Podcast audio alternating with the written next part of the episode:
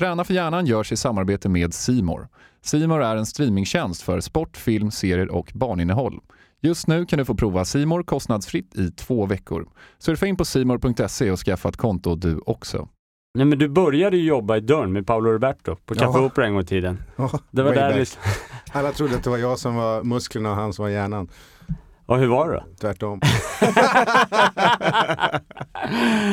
Ja, spännande. Jag vet inte om han vill erkänna det riktigt. Nej, men vi brukar skoja om det.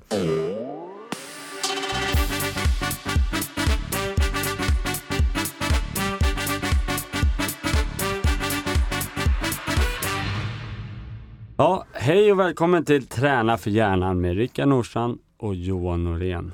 Dagens gäst vår motsvarighet till eh, Hulk Hogan. Alla som är födda på 90, 70, 60-talet vet vem jag pratar om. Tjena Henrik! Hej, Hur uttalar man ditt efternamn? von Zweiberg. Två Ja. berg på tyska. Ja, trevligt. Utan att vara ett geni, men då gissar jag att du har eh, tyska gener. Ja, Preussen, alltså, släkten kommer från Tjeckien från början. Okej. Ni som inte vet vem Henrik är, är han man ser på alla kanaler när man bläddrar, springer runt med hörlurar och en liten mikrofon. Och, eh, vad, vad är din uppgift när du jobbar inom TV? Mestadels så jobbar jag som studieman eller koordinator, så det är det jag gör mest. Eh, Det är det man kanske ser mig på Melodifestivaler eller Eurovision eller stora galor. Gladiatorerna? Gladiatorerna. Eh, Det är den typen av program som jag, jag gör stora nöjesprogram och stora sportsändningar. Ja, men vi träffades ju genom K1 eh, Ja. back in, vad ska jag säga, 2000, 2001 där någonstans. Det var där vi kom i kontakt med varandra, för då arrangerade du de galorna på den Ja, då tiden. var jag med och jobbade med dem. Ja, på den tiden så var det ju mer, när man gjorde de här galorna, det var lite mer folkfest tyckte jag. Det var liksom någon artist, det var lite annat än vad som det ser ut idag. Kan du sakna de där galorna?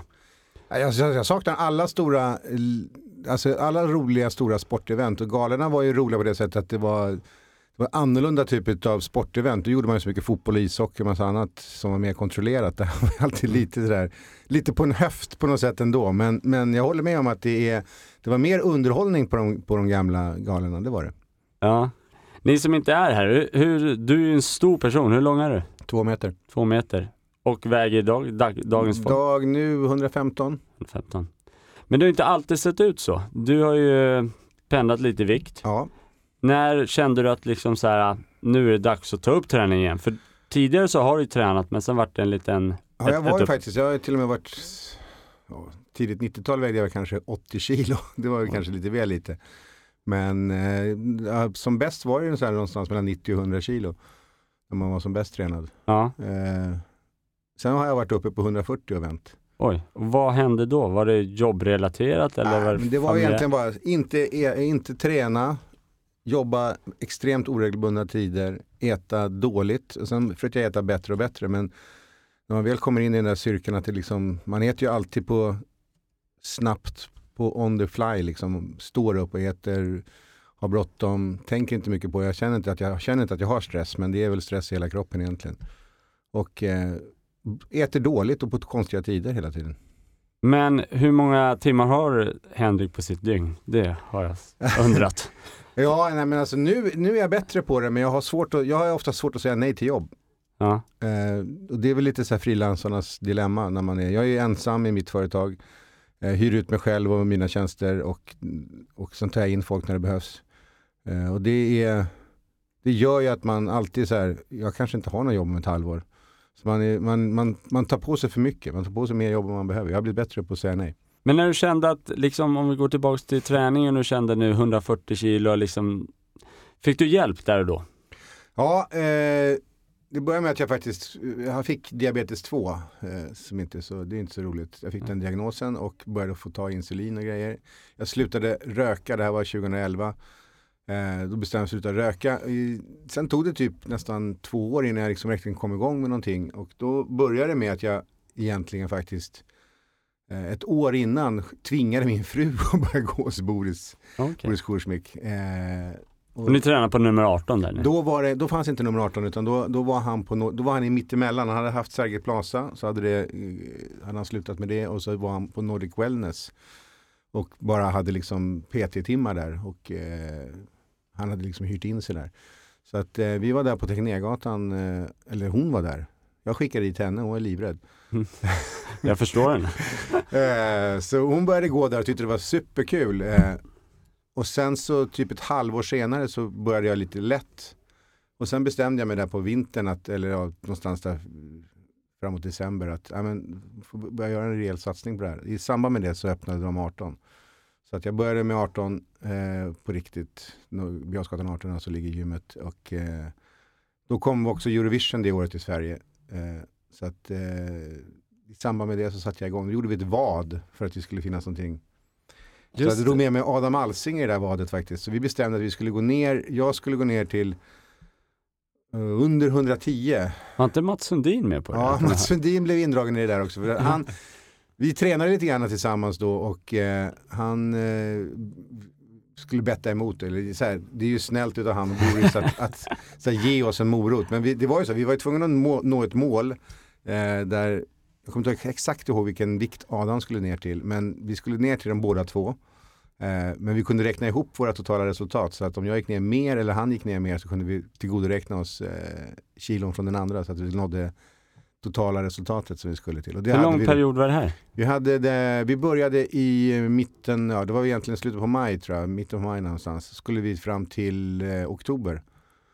Då skulle vi gå ner och jag hade då, jag skulle gå ner nästan 30, jag 30 lite drygt 30 kilo. Ja. Och du lyckades med det? Ja, det gjorde jag. Ja. Det, det gick faktiskt bättre än jag trodde. Det var fruktansvärt tråkigt i vissa perioder. Ja. när man inte tyckte att det hände någonting. Eh, och jag tränade extremt mycket den hösten kommer jag ihåg. För att jag, då hade jag kommit liksom över de där första trösklarna som man behöver mm. komma över. Eh, och eh, då körde jag ju liksom 10-12 pass i veckan. Och kosten? Och kosten höll jag ju stenhårt i då. Var väldigt så här, noga med att äta var tredje timme. Och åt, alltså det är ju min mitt fel är att jag äter för stora portioner. Och äter alldeles för fort. Ja. Så. Men eh, vad var belöningen? Belöningen var eh, var som helst i världen eh, en, en lång weekend var som helst i världen. Du och Adam alltså? Ja, ja och tillsammans med wow. dem. Ja. Och vart åkte ni? Det slutade med att vi höll på att jiddra om det där. Vi skulle åka till Tokyo och grejer och vi höll på. Men sen, sen, så bestämde, sen åkte vi till Palma och spelade golf. Jaha, Det var fantastiskt kul. Ja. Vad Vilka var trösklarna där i början som du sa? Innan jag kom över de första trösklarna. Ja, Vilka det, var det? Liksom, ja, men först, är man ju, först är man ju superpepp och tycker att det är kul och sen så kommer det där att det inte händer någonting. Man tycker att man tränar och tränar och det händer ingenting. Och sen så kommer det liksom successivt så kommer det lite mer. Alltså får man, lite, man behöver lite belöningar hela tiden. Man ska liksom orka lite mera, man orkar springa lite mer eller orka ta lite mer i whatever det är. Eh, och att det känns bra. Att man går ner, framförallt om man ska gå ner i vikt så behöver man ju liksom se på vågen att det händer någonting. Och när det inte händer någonting på fem dagar, man bara vad är det här? Jag kan inte speka mig mer än så här. Hur så, hänger man i där då? Om man står där och så bara, nej men det händer ju ingenting. Hur ja, fortsätter men dels så man liksom? har man ju en sån här, ett, det här vadet hjälper ju en hel del, men det hjälper ju också att ha en sån som Boris. som så här minutiöst håller efter den hela tiden och bara så här, kollar, han har koll på vad jag liksom Ska jag på fest så vet han att jag ska på den där festen. Liksom. Eller ska jag jobba så vet han vad jag jobbar med. Så att han, han eh, och det var alltid så här om jag sa liksom, om jag ska jobba imorgon bitti, jag bara åtta, då kör vi träning sex. Ja. Så då flyttade han bara på tiden. Men jag kan tänka mig att det måste varit en rolig period också, för Adam är också en rolig, men ni måste ha haft mycket skratt. Ja, vi massvis med skratt. Sen tränade vi lite olika tider och olika saker eftersom Adam eh, har sina eh, höftproblem och lite sånt ja. där. Så han kan inte riktigt, han har lite, det är jobbig, nästan jobbigare för honom för han kan inte göra lika mycket eh, konditionsmässiga saker på det sättet. Eh, men, men han kämpade på som fan. Ja, vi hade väldigt roligt. han har två höftproteser. Han har två höftproteser. Han har ju titanhöft numera. Ja. Och vi såg att du kom in här på kryckor. Vad har du varit med om? jag har inte bytt ut höfterna. Jag har skrapat. Jag har varit inne på specialistcenter i Eskilstuna och eh, skrapat på båda höfterna runt eh, höftkulorna för att få bort allt skräp som har legat där och gjort ja. ont nu i två år. Är det från alla höga sparkar i Kungsträdgården med Paolo? Paolo behöver man inte sparka så högt eh, Nej, det, utan det, det, jag, jag, jag har någon teori om att jag tränade mycket och sen slutade jag träna. Och sen tränade jag ganska bra en period igen och sen slutade jag helt och sen höll jag väl upp nästan i 20 år. Eh, och den tiden, den sätter sina spår. Liksom. Dels med att man går upp i vikt och att man jobbar med det man gör. Jag, stod både, jag jobbar mycket med krog men sen också hela tv-svängen. Står väldigt mycket, går väldigt mycket på underlag som inte är de bästa. Eh, många gånger har man inte ens bra skor om man jobbar på, som jag, vi jobbade på Café Opera, då hade vi inte liksom ekoskor på oss direkt. Utan man skulle, på den tiden skulle man ha kostym, det har man inte nu för tiden. Nu har man en ordningsvaktsjacka. När, när man tänker Melodifestivalen, det är en stor apparat att dra runt. Hur hanterar du en sån grej? Jag gissar förberedelse, men på plats, det får ju inte gå fel. Ja fast det kan du göra ändå. Det kan, det kan, okay. det kan man aldrig, man kan aldrig, det får inte göra men det Nej. kan ju alltid göra. Jag menar titta nu på Eurovision, det här plötsligt hoppar upp en snubbe och visar arslet. Ja. men, men, skulle du kunna ge då, vi är ju supernyfikna, en, en arbetsbeskrivning? För visst, man ser ju det i bild, men vad är det du gör? Det, man säger så? Men det är väldigt olika på vilket uppdrag jag har. Men att på Melodifestivalen så jobbar jag i under sex veckors turné. Eh, då är det först före, före alltså innan turnén sätter igång så är man på massvis med möten, går igenom alla de här 28 låtarna som ska vara med. Vi sitter och pratar igenom vad det ska vara för visuella effekter, vad det ska vara massa saker. För då har de kommit överens med, med ja, SVTs folk runt omkring Melodifestivalen vad som, som ska vara med och inte. Och vi sitter med någon, i en liten arbetsgrupp med det.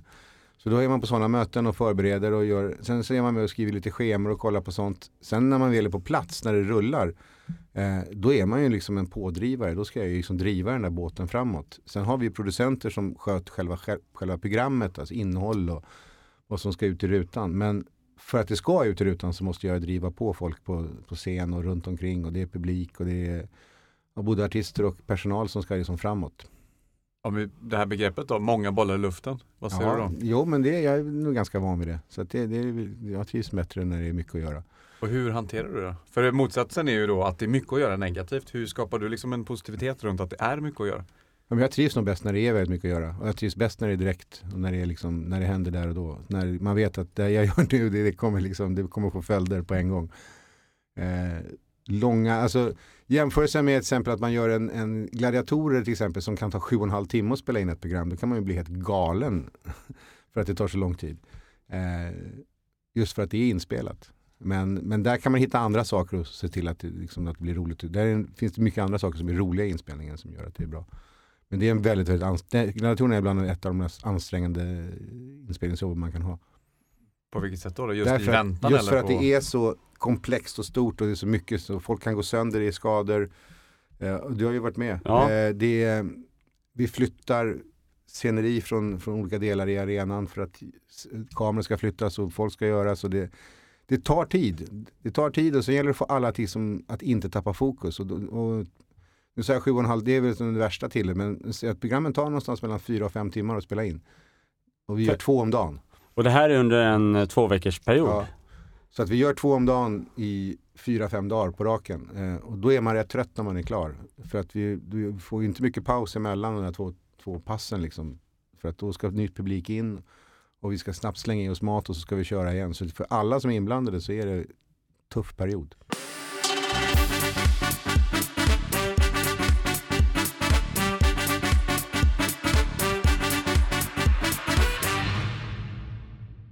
Det här med att du driver båten framåt då, vad driver dig då? Var, varför vill du vara en drivande person? Vad har du för drivkrafter själv? Oh, jag vet inte, jag bara tycker att det är kul. Nej men jag, ja, jag, jag trivs väldigt bra med att jobba, jag trivs väldigt bra med att jobba med dem jag jobbar med. Alltså jag har liksom roligt med dem som jag är där med. Det är väl ungefär som att man trivs jättebra i ett hockeylag, liksom. då vill man vara kvar där. Men du säger att du är egen då. Har du alltid samma crew på, vad ska man säga, Melodifestivalen som eh, gladiatorerna eller tar du in olika personal ja, till olika event? I mitt fall så är det lite olika. Alltså jag, jag kan ha, om jag, gör, jag, jobbar med ett event då kan jag ta in mycket mer. Om jag gör en, eh, in, ja, om vi ska banda eller göra en vad ska jag säga, någon sorts gala där jag är, är drivande, då kan jag bestämma vilka som ska vara med. Sen i vissa fall så blir jag liksom serverad, då kommer det ju folk som på Melodifestivalen då, då anställer ju SVT, de bokar ju all teknikpersonal kan man. Och sen har Blixten Company och Live Nation, de har också delar av crewet som är inblandade. Men vi är i princip samma gäng för det, är, det har varit nästan samma gäng i alla år. Mm. För det här gänget tycker det är kul att göra just den. Men om du åker till Eurovision då kan du ju hamna med, nu var det väldigt mycket tyskar som var med den här gången. Eh, ganska stort gäng svenskar och sen liksom lite landade europeer. Har du någonting som du känner så här att wow, det där skulle jag väl göra, typ Super Bowl? Ja, Super Bowl skulle nog vara roligt. Eh, för att det är så enormt. Eh, OS-invigning, kul. Eh, eh, Oscars. Är det liksom en dröm som kan gå uppfyllelse? Det eller? tror jag inte. Eftersom det är, två av dem är, är ju amerikanska och de kommer inte ta in någon, någon svensk. Varför inte? Du är Nej, det tror den svenska Hulk Ja. Hogan. Ja, det tror jag inte de gör. De, de kör nog sitt race där borta. Så det, det är vad det är. Men, men alltså, vi har ju jobbat med väldigt stora musikgalor och sånt där. Så Mm. det är ju, och Eurovision är ju 200 miljoner tittare på. Det är ju hyfsat stort. Ja. Men hur, hur, för då kommer vi in på det här med nervositet och så. Du säger att det är kul när det, när det är skarpt läge. Mm. Hur, hur hanterar du nervositet och finns det i din värld? Och omges du av personer som är nervösa, exempel upp på scen och sådär? Ja, oh, alla är supernervösa. Kan, kan du ta oss igenom det då? Liksom, hur Det- hanteras det och hur Men jag pratar tror nog att om det är så här, desto fler människor runt omkring mig som är nervösa, desto mindre nervös blir jag själv. Eh, så att jag vet inte, min puls går nog mer ner när de andra ska upp. Och varför då? Eller Jag vet inte, det kan jag inte förklara. Men det är, jag är bäst när det är väldigt rörigt och det är folk springer och skriker och håller på. Det blir du ännu mer intressant här. Nu får du hjälpa oss. Hur och varför blir det så då? Eller, Nej, men jag vet inte, det är väl bara nå- någonting i min kropp som triggas igång av att det är väldigt stökigt runt omkring och då, då blir jag mer lugn. Så då uppfattas jag också som väldigt lugn. Så det, det blir så att jag kan få de andra att göra det de ska. Ja, men jag har ju suttit på läktaren och, och sett eh, nu eh, ja, men sommarkrysset. Jag har varit på fotbolls-EM. Ja, det var, sist var det väl eh, VM-kvalet Sverige-Frankrike och sen Ja. hade vi Euroleague-finalen några veckor innan. Man ser ju verkligen, först och främst har du väldigt pondus, men sen ser du ju aldrig stressad ut. Nej, Men det, det kan jag säga, det, jag är, blir ju stressad, det blir jag ju ibland. Alltså det händer ju, absolut. Inte att jag är helt... men och hur visar det sig då? Liksom? ja, men det, det, det märker jag nog mest själv liksom. Då är det så här när jag håller på och sullar med saker som eh, jag har nu bestämt det sista året för att jobba digitalt så jag använder en, en sån här iPad Pro. Som jag har gjort en speciell grej så jag kan ha den fäst i handen så att säga. Så den sitter liksom i en, ett, liksom ett handtag kan man säga. Och då använder jag Apples penna. Om man nu får nämna. Det är självklart. självklart. Eh, och eh, den där lyckas Ja. jag ju tralla bort hela tiden. alltså nu, eh, nu sist på sommarkrysset så va, tre gånger tror jag jag tappar bort den här hela pennan på olika Och det kan jag väl gå runt och bara, "Vad fan håller jag på med? Så får jag gå så här backtracka var jag varit någonstans tills jag, ja där är den, bra. Så, sådana saker kan ju hända. Och det är säkert någon sorts liten stressgrej att jag liksom slarvar Mm. bort den där. Men om man tänker på det här med kontrollbehov då? För, för funktionen på det blir väl något sånt att ha kontroll över situationer eller? Ja, det är väl meningen. Men samtidigt är det så att när du gör live så kan du inte ha 100% kontroll över alltihopa. Men däremot så kan man ju i vissa fall som om det är ett Eurovision eller en melodifestival eller en gala, då vet du, då har vi repat allt vi ska göra. Vi vet så här ska det vara. Då har man ju hyfsat kontroll över att det ska vara så där. Och så kan man liksom rikta det åt det hållet. Eh, gör en fotbollsmatch eller en stor idrottsgrej, då kan du ju aldrig riktigt räkna ut, du du vet inte vad som kommer hända. Det kan ju bli knock Mm. åt fel håll eller det kan ju bli att Sverige förlorar med 3-0 istället för att vinna med 2-1 i sista sparken. Liksom. Eh, jag menar, när Sverige förlorade mot Portugal, det var inte jätteroligt att jobba. Hur ser eh, träningen ut för dig nu till vardags då? Eh, Eftersom du jobbar ju lika mycket som du gjorde förut. Ja. Men jag gissar att träningen och sen kosten då har du skärpt till för att hålla den här fysiken som du har idag. Eh, vi tränar, jag och min fru, vi tränar varje morgon, eh, vardagar i alla fall. Eh, Ja. Tränar vi varje morgon tidigt. Och hur ser träningsupplägget ut ungefär? Ja, normalt sett så, så kör vi ju en sorts blandning utav eh, Tabata-inspirerade träningsgrejer. Eh, det är styrka och kondition Ja. i lite olika former, ganska blandat. Eh, nere på 18. Eh, de har, där kör vi med, mest med Boris, men vi, de, de har ju en massa andra tränare också, så de, de har lite koll på vad vi har gjort liksom, den veckan. Eh, och det kan vara lite blandat. Men det, det, är inte, det är inte så att vi alltid på tisdagar gör det här, utan Nej. det, det är lite det snurrar lite fram och tillbaka beroende på vilka som är där och vilket år det är och, och vilken tid på året. Men, men det, det är liksom blockat i kalendern nu? Det är liksom... Ja, varje morgon Ja. är det blockat. Och, och det gör jag egentligen, jag gör gärna det även om jag inte ska, som, inte ska jobba eh, vid den tiden efteråt. Utan jag tycker det är rätt skönt att komma igång på morgonen. Och, man får liksom hela dagen med sig på något sätt. Men känner du att du blir mer kreativ och du blir lugnare, du kan hantera Ja, jag, stress tyck, jag tycker bättre? dagen är, blir väldigt, väldigt bra. Sen så jag tror att jag hade tränat mindre om jag hade kört alltid eftermiddagar. För då hade man, plötsligt så dyker det upp saker som stör och så då får du ha en annan typ av disciplin och liksom bara plocka bort saker och ting. På morgonen så kan du ändå liksom gå upp och dra iväg till gymmet och sen är du klar.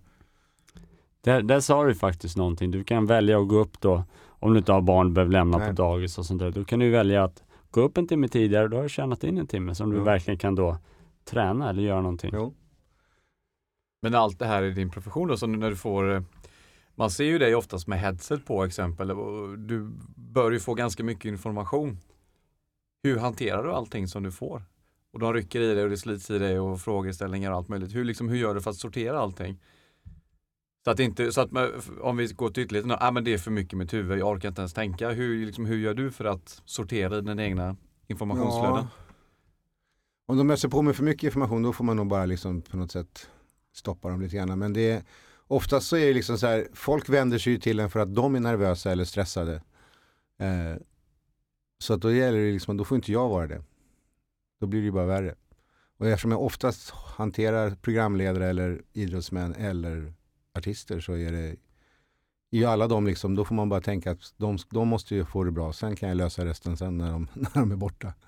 Men finns det några tekniker som du tycker man skulle kunna dela med sig av när det gäller att hantera nervositet? Exempel stå inför folk, prata inför folk, gå upp på scen och så vidare. I och med att du lever i den världen där man kanske är mycket nervös för att kanske göra bort sig eller glömma av eller Ja. komma av sig eller vad det nu är.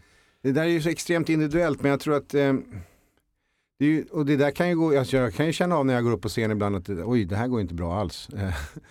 För du får ju ganska snabbt respons från publiken liksom och får du ingen bra respons då är, kan det ju kännas som, vilken jävla uppförsbacke det här är. Eh, vilket, vilket kan bli precis tvärtom när du får bra respons. Och det måste vara exakt samma sak för idrottsmän och artister att, Ja. och programledare. När de känner att det här går ju bra, då blir de bara bättre och bättre och går går det lite uppför så blir det lite jobbigt. Eh, och då får man, när det inte går så bra, då får man ju liksom gå tillbaka till så här grunder och bara liksom, ja men jag, det här ska jag säga, det här ska jag göra. Liksom, hoppa över alla lustigheter, var bara mera, bara liksom fokusera på det du ska göra. Precis, bara det och inget mer. Och det kanske är en bra idé, att man liksom inte håller på och breder ut sig och gör massa sidospår, utan bara, gör bara precis det du ska göra. Tillbaka till grundspelet. Ja. Ja men lite så är det ju, sarg ut. Där sa du. Där sa du, då kom jag direkt till Wayne Gretzky. Eh, hur blev det? Det är ju liksom min idol när jag var ung och spelade hockey. Att Ja, det är liksom, väl allas idol höll jag på säga. Jo, det, vad har han? 2000 poäng i NHL tror jag. Ja, det är ingen som någonsin kommer slå det. Nej. Hur kommer det sig? Han var i Sverige och... Eh, oh, var det här 94 tror jag det här var någonting va? Jo, de hette väl All Stars 94, så jo det heter de. Eh, de det var ju eh, lockout i, under ett par månader. Så att eh, all NHL låg ju nere. Och de satte ihop ett sånt här superstjärnlag med, det var ju allt från Iceman, alla var ju med, alla de bästa spelarna Ja. i NHL. Satte ihop ett lag och åkte över till Europa och spelade. Hade de det på högerflanken då? Ja. ja. Eh, så hade de, så spelade de en massa matcher och så skulle de spela i Sverige och eh, jag skulle egentligen jobba åt Djurgården eh, för att bara vara allmän värd för laget. Men när de landade i Sverige så bestämde de sig för att de skulle ha folk som hade hand om security runt omkring just Wayne. Eh, och då frågade de om jag inte kunde ta det istället. Så då, kallade jag, då tog jag in lite folk som jag kände eh, och sen så jobbade vi typ dygnet runt med honom. Ja. Och hela laget blev det ju, men, men det var mest, det var ju liksom stationerat med honom första främst. Men sen fick man ju rädda, åka ut och hämta en Brett och lite andra. Ja. De som inte gick hem på morgonen. Men hur var han som person då? Han var fantastisk. Det, var, en- det är nog en av de proffsigaste idrottsmän jag någonsin har träffat. Eh, när, vi, när jag blev introducerad så satt vi och snackade helt själva. Då gick han gick vi iväg och satt och fikade och pratade. Så att han liksom fick, så det inte fanns någon som kunde störa från hans gäng eller från mitt. Eh, och sen efter typ 20 minuter så bestämde jag, ja, bra, det känns jättebra det här, du kör. Eh, och sen så fick jag några sådana här direktiv. Ha alltid penna på dig som alltså en sån här tuschpenna som man kan skriva på vilket jävla underlag som helst. Så att, eh, och då hade han det. Han, han hade, så han supplyade mig med en ask med liksom pennor som man kan skriva på vad som helst. Eh, svart tuschpennor variant. Eh, ha alltid med dig det. Och sen så när vi rör oss så rör vi oss. Vi stannar inte. Utan bara till att vi, jag kan gå bakom dig bara och sen kan jag skriva i farten. Så stanna inte utan vi bara rör oss. Eh, och sen ibland så sa han till, nej men vi stannar och då stannade vi så såg vi till att vi hade liksom fritt bakåt och Ja. bara gjorde en kö. Och det, det här hände hela tiden i Stockholm, det var helt galet, var vi än var så skulle ju folk ha autografer, allt från små till stora. Alltså vi var på Café Opera så kom gubbarna fram och skulle ha autografer på, på servetterna. Wow. Ja, det var, det var tokigt. Men han var otroligt vänlig hela tiden. Han, togs verkligen tid med fansen och så ställde upp. Då fanns ju inte mobiltelefonen på samma sätt. Den här med att ta selfies finns ju inte.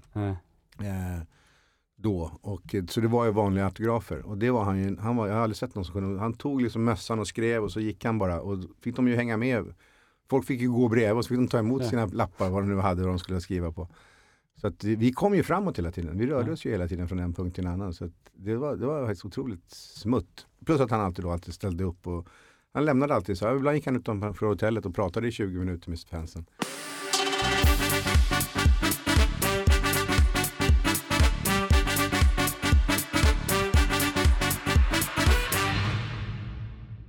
Jag tänkte på det här med återhämtning, att när det är så intensivt som du säger, det är så mycket och det går i ett och ett och det är flera dagar i rad. Hur gör du för att återhämta dig? Liksom att komma tillbaka lika starkt dagen efter? Superdålig på det. Eh, så jag bara går, jag bara kör. Återhämtning är jag jättedålig på. Jag, som nu när jag har gjort de här höftoperationerna så började jag med att jag bestämde exakt vilka datum de skulle vara på för att det skulle passa min kalender.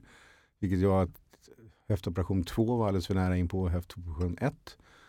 Eh, och sen såg jag också till att jag hade både Euroleague-final, Sverige-Frankrike och Polarpriset och en Bauerskala inslängd mellan alla jobb med sommarkrysset. Så att jag hade ingen, liksom ingen, jag åkte från sjukhuset till ett möte med artister en timme efter jag var klar. Så att jag är inte bra på det där alls. Jag, jag vet inte vad, jag har inget bra svar på heller, jag bara kör. Men opererar du på Sofiahemmet? Nej, jag opererade mig i Eskilstuna på specialistcenter. Ja, okej. Så att, då, och det var också Boris, han, var, han, var ju, han körde mig dit och hem. Ja. Det är vänligt. Ja, det är verkligen. Verkligen. Och Boris som vi har pratat om, det är din personliga tränare? Ja, det är min personliga tränare och ägare till 18 och ja, han är ju gammal vän. Så det är liksom är Ja. familj. Men, men eh, hur blir det nu då under sommaren här som kommer? Kommer du kunna hålla i träningen eller när Ja. du tar semester och hur liksom, vad är, hur tränar du när du inte är på gymmet? Eh, ja, men då brukar vi hitta någonstans. Jag, jag, förut hade vi tyckt det var superkul och åkte vi alltid till Antalya i Tur- Turkiet någon vecka eller två. Eh, och då, då hittar vi ett gym där som vi var på. Och så kör man. Det blir inte lika intensivt och lika bra som det kan bli när någon står när man har en tränare som säger åt en och ligger på en hela tiden. Men man får i alla fall lite gjort. Mm. Och sen kan man ju alltid man kan alltid fortfarande liksom powerwalka och springa och göra sådana saker. Det går. Sen, får man, sen måste man kunna bjussa sig själv på att inte alltid vara supernoga med kosten. Nej, har du bokat in semester? Eh, nej, det har jag inte gjort. eh, men vi har två sjok i sommar med sommarkrysset där vi är eh, som vi har uppehåll på sommarkrysset för att det är Elton John vid ett tillfälle och andra gången så är det friidrotts-VM i London. Jag ska inte åka och jobba på det. Men, men det känns lite så, som att du är en person som inte kan säga nej till jobb, eller har gjort Nej. i alla fall. Är det därför att du väntar på semestern och kollar liksom om du får in jobb den här perioden, då vill du vara hemma? Nej, alltså det är nog egentligen bara så att man, är, man, är, man, man har ett halvår framåt ungefär så man vet vad man gör. Eh, och sen har det ju varit så i 20 års tid nästan, höll jag på att säga. Men, men man har vant sig vid att det är, man inte har mer än ett halvår till max ett år. Så vet man ungefär vad som kommer hända. Att, Men, men hur hanterar du det då? Apropå, Ja, det kan jag tycka. Det kan jag nog tycka numera när man börjar bli äldre. Förut så sket man fullständigt i det. För då tyckte man att man bara kunde köra på. Men nu kan jag tycka att det kanske var skönt att veta. Så här, vad, vad kommer du göra 2018, 2019? Det har jag ingen aning om idag. Jag vet några jobb 2018. vad är det? De jobben? Mm. Eh, ja, jag förmodar att jag kommer göra de galor jag gör i januari. Som Idrottsgala och Guldbagge och några till. Eh, och sen så skulle jag tro att jag gör Melodifestivalen igen. Om alla kommer överens. Eh, och sen är det, är det väl lite snack om Eurovision i Portugal. Gladiatorerna, kör de vidare? Gladiatorerna kommer inte spela in någonting i höst eller i november där som de brukar. Utan de, om det blir någonting så blir det någonting nästa vår, sommar. Okej. Och vet man varför? Eh, ja, helt enkelt att fyran, den här gången när vi spelade in dem sist så delade man upp det i flera sjok. Så nu har man ju haft ett vintersjok och sen hade man nu ett sjok som tog sitt slut. Så kommer man visa några avsnitt i höst. Då har man, jag tror att man kommer ha kvar fyra avsnitt eller fem eller sex eller det. Så de kommer sända, börja sända i slutet på december och så gå in i januari. Så de väntar med att, att spela in nya program tills de där har gått tror jag. Ja, har de gjort om tävlings... Eh, tävling? Nu tävlar man varje avsnitt, eller Ja, hur? nu fanns det ingen, det fanns ingen liksom att man tävlade mot att bli vinnare utav alltihopa. Det fanns ingen steg, det fanns ingen, ingen, eh, Just ingen semifinal eller ingenting. Utan nu var det varje match var en. en. Ja. Så det, det, och det gör ju också då att de kan sprida ut det över en så lång tid. För då är varje program, det är ett medvetet val då, att man ska kunna ha det under långa perioder. Vad så det var när jag mötte Arman Kranch och krossade han i gladiatorerna. Minns du det? Ja, ja för fan. Ja, du gick in och tog över, eh, var, det, var det Martin, nej det var, det var Mårten Andersson. Exakt. Mårten Så- Andersson som hade lite ont i handen eller något. Ja, och då låg vi under. Mm. Vi kom in och räddade upp det där. Så det var härligt. Ja, det var, han var inte jätte, ja, men Kranch var inte jätteglad över att du var ersättare. Men jag var ju det, för han hade ju tackat nej. Vi skulle ju mötas 2006 eller någonting där på K1-galan. Ja. Då tackade han nej. Så nu fick jag min chans. Men han är en fantastisk och trevlig Ja. person. Jag gillar honom. Men eh, mycket att göra då, mycket, många järn i elden. Hur bra är du på att inte göra någonting överhuvudtaget? Eh, Jättedålig. Och Men- hur blir men- du då? Ja, men jag, alltså jag kan, jo men jag säger så här, så här, jag kan, jag kan låsa in mig liksom, eller stanna i sängen och titta på House of Cards hela serien i ett svep, det kan jag göra. Men då fastnar jag i något sånt där. Då är det, då är det liksom, då är det verkligen ingenting, då är det ju bara att kolla på tv. Just det. Men eh, att, ja, att bara ligga helt och bara läsa böcker, jag läser ju knappt böcker alltså. Men om man tänker på det här med egen tid då? N- när är du helt själv utan liksom prestation i form av eh, jobb och Jag sitter i bilen, på väg till? jobb, eller hem, eller något. Nej, men alltså jag, jag vet inte, jag har levt så här så länge så det är liksom mitt liv. Och jag, Mikropauser då? Använder du Jo någon form av gör jag, det gör mikropausteknik? jag. Alltså, eller? det, jag kan, speciellt när jag gör sådana saker som Eurovision och sånt där, när det är så extremt långa dagar. Då brukar jag hitta, och det gör jag på Mello också, då är det alltid, det finns vissa liksom så här delar under dagen, speciellt då på sändningsdagarna där man där det finns liksom tid och då går man och hittar, på, på Mello brukar jag hitta någon case någonstans under någon läktare som jag går och lägger mig på.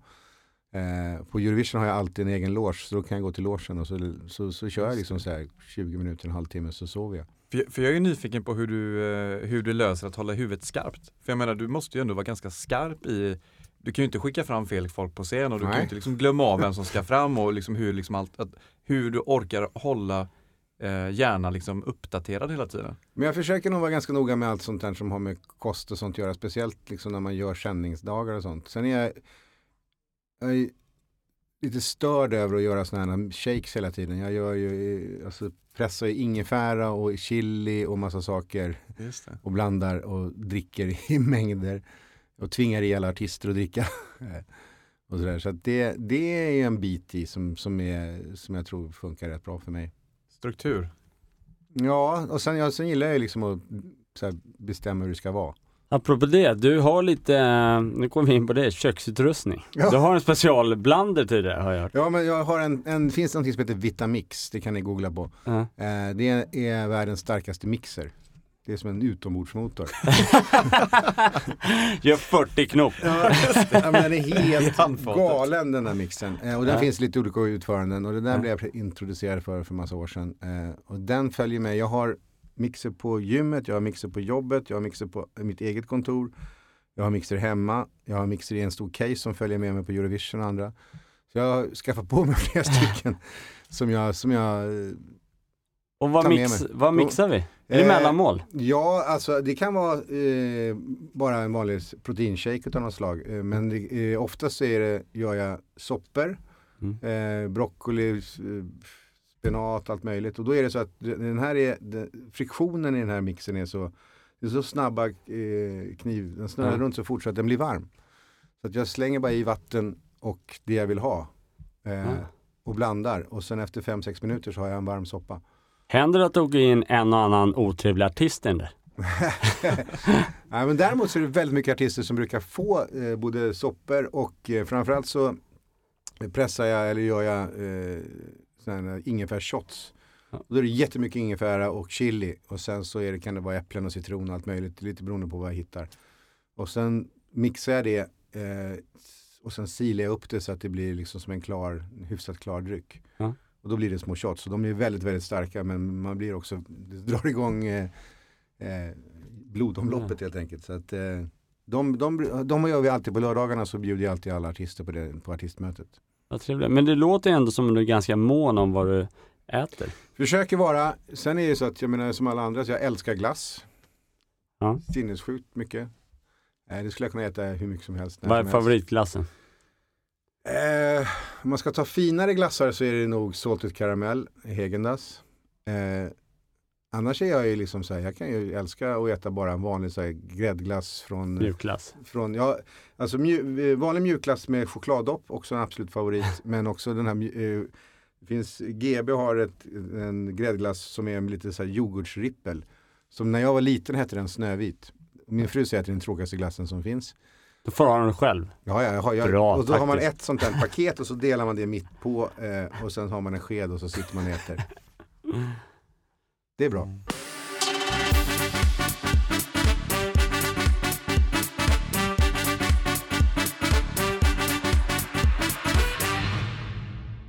Utan att nämna några namn och så, men, kan, har du sett eller varit med om, kan du se någonting där exempel mm, artister, vad man nu är, där känslorna tar över för mycket, att man blir så nervös att liksom kompetensen inte kommer fram, att det, det liksom Ja, låser det händer. sig. Det händer, det, då sjunger de ganska ofta ganska illa. När de blir för emotionella eller de blir nervösa. Alltså det kan ju verkligen höras på en artist att de har tappat det helt. Sen kan det ju också bli att de, att de inte klarar av att göra det rörelseschemat som vi tänkt att de ska göra om det innebär koreografi eller om de ska stå på speciella platser eller någonting. Eh, och det är oftast med nervositet att göra.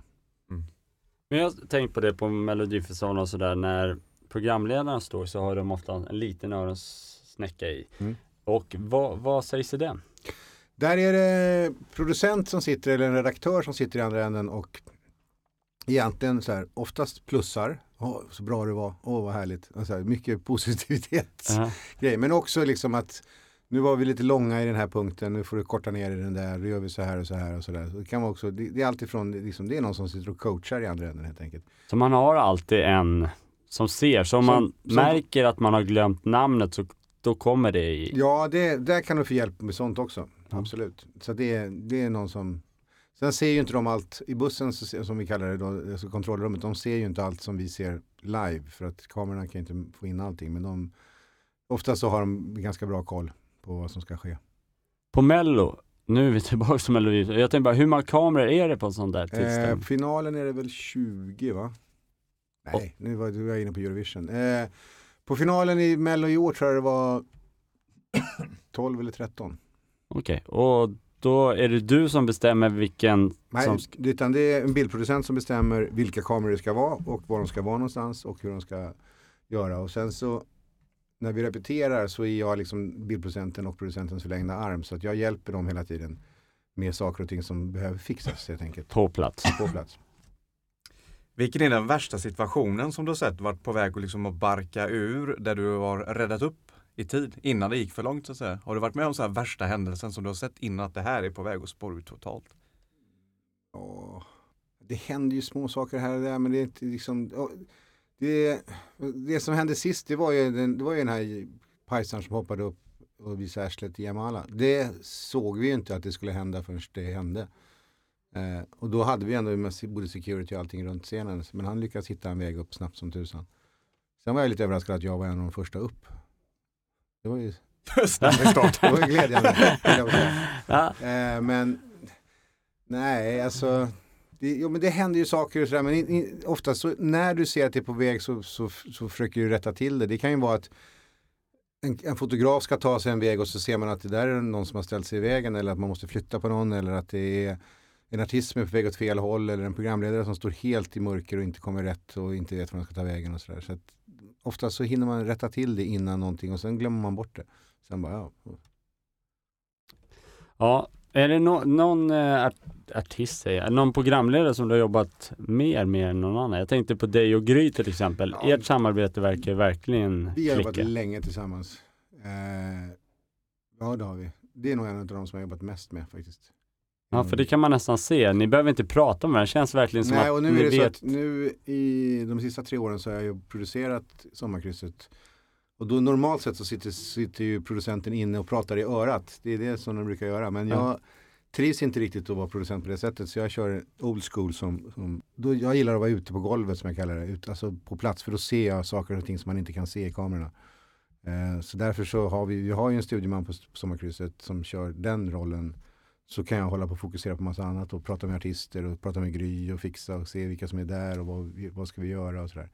Så jag trivs bättre med att göra så. Hur kom det sig att du eh, jobbar med det du jobbar idag? Jobbade på krogen eh, sista åren som var det på kaféet, eh, Café Opera och eh, East faktiskt. Restaurang East. Då, då var Annie Wigelius och en tjej som heter Madde Stenberg som hade ett produktionsbolag. Eh, de tyckte att jag kastade bort mitt liv så de tyckte att jag skulle börja jobba med tv. Så de drog faktiskt in mig i tv och gav mig typ den uppgiften som jag har nu. Eh, så de hade bra öga för det. Vad var ditt första case? Eh, det var faktiskt med Adam. Eh, Adam Alsing gick från TV4 till TV3 och så skulle han göra en, en talkshow. Eh, och så behövde de ha någon, de skulle ha en kamera på stan, lite så här Letterman-aktigt som eh, eh, liksom filmade och pratade med folk. Vad hette det programmet? Det hette Adam. Jaha. Adam Live tror jag det hette. Det var första året som han körde liksom en egen talkshow.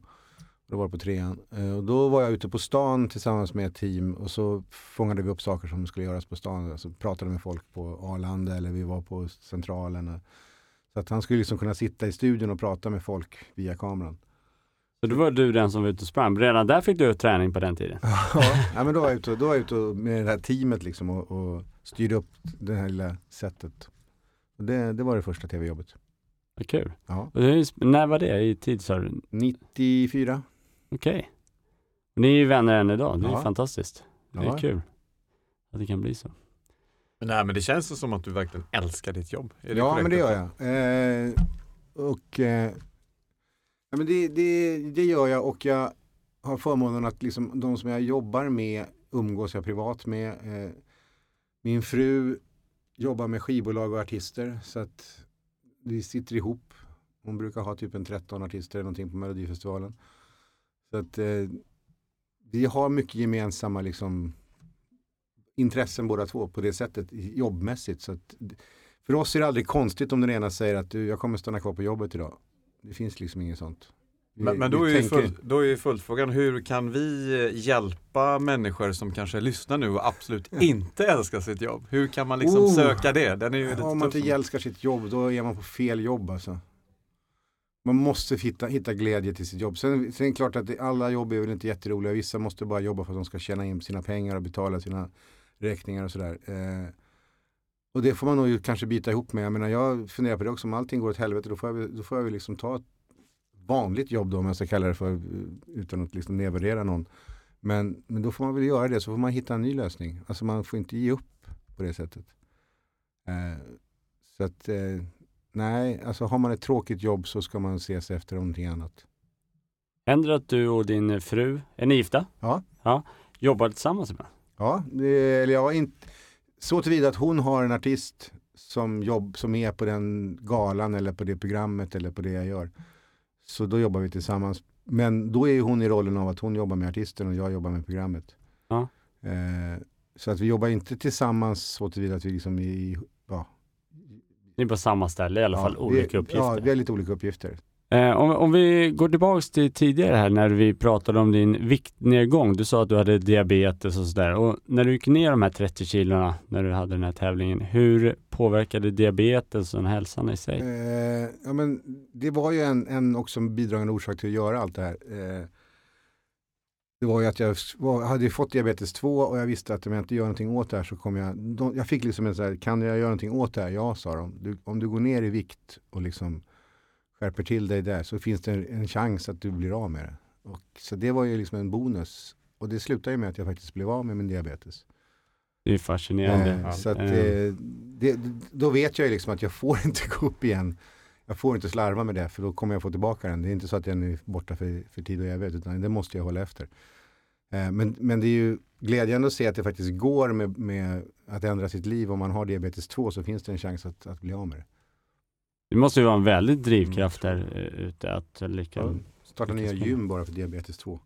Men Nej, hur men har du lyckats hänga i nu då? Hur, liksom, hur har du lyckats hålla processen levande med att bibehålla? Ja, men dels att man har en sån som Boris och ett, ett, ett alltså ett, men jag kan tänka mig att dina som går upp hos dig Mm. också. De, man håller ju efter dem liksom. Ni, de, de, de är, ni är duktiga på liksom Mm. att peppa folk. Eh, man behöver ju det. När det inte går så bra så behöver man ha någon som är på en hela tiden och påminner om att man ska komma till gymmet och träna. Och att, sen är det så att hos oss där vi är så är det väldigt roligt. Har, det är väldigt familjärt och inte så stort gym så att det gör ju att vi är väldigt, alla lär känna varandra. Det under, underlättar ju liksom själva processen att träna. Men framförallt så är det nog att jag drivs av att jag vill inte komma tillbaka där jag var. Jag vill inte dit igen utan jag vill kunna liksom ha de där kläderna som var roliga att köpa som var lite mindre. Och, eh, det, det, var, det är kul att se lite bättre ut helt enkelt. Så att det är, men framförallt det är kul att må bättre. Att man vet att man inte liksom är, är lite närmare döden. Det är inte, det är liksom, jag lever ju i den riskzonen med tanke på det jag gör. Eh, stressigt jobb, äta konstigt, dåliga tider. Då måste jag ju se till att jag försöker skärpa mig på saker och ting runt omkring som jag kan påverka. Så det blir ju en drivkraft i sig. Ja, jag, jag är fascinerad att du håller i, för det är många som vi pratat med tidigare här, att de liksom Ja, men de kommer ner till den vikt de ska, men sen kommer de tillbaks till vardagen och eh, sen är de efter ett år så är de tillbaks på samma. Så det är ju väldigt skönt att Jag tror höra. att folk måste, då måste man nog hitta på nya mål eller liksom nya saker, nya tävlingar eller vad man, nu Mm. behöver för att man ska trigga sig själv. Eh, Kan man ringa Mats Sundin då? Nya val? man kan ringa Mats Sundin om nya val. Ja, men det kan man ju absolut göra, men man kan ju också göra liksom bestämma sig att man ska liksom, nej men jag ska bli, jag ska kunna springa eh, tre kilometer på den här tiden eller man ska kunna ro tusen meter på den här tiden eller whatever. Då får man ju liksom hitta andra saker liksom som att som man på något sätt triggar sig för sin träning. För att alla tycker ju att det är kul. Alltså alla, jag känner ingen som säger att det är skittråkigt att träna jämt. Nej, vi brukar faktiskt säga den. Mm. Det. det. Oftast är det, har man ju, vad ska man säga, de här onda tankarna och det här motståndet på vägen till träningen. Eller kan hända ibland. Ibland går man ju självmant dit med glädje, men efter träning så är det ju alltid glad. Ja, det är 100% glädje efteråt. Det är Mm. det ju nästan. För det, det, det är ju, alla är ju det. Ja. Mår lite bättre, lite stoltare, lite Ja. liksom höjer, och det höjer sin självkänsla också. Så de som då hatar sitt jobb och tycker att det är skit, då träna ännu mer då. Så, så kanske man har blivit lyckliga på det. Ja. Snyggt. ja, då får vi väl, eh, det var bra Ja, avslutningsord tycker jag, bra. eller Det hur? kom så naturligt. Säg upp er, träna mer och eh, lycka till. Träna heltid. Ja, tack snälla Henrik Tack så att du tog dig jättemycket. tid. Ja.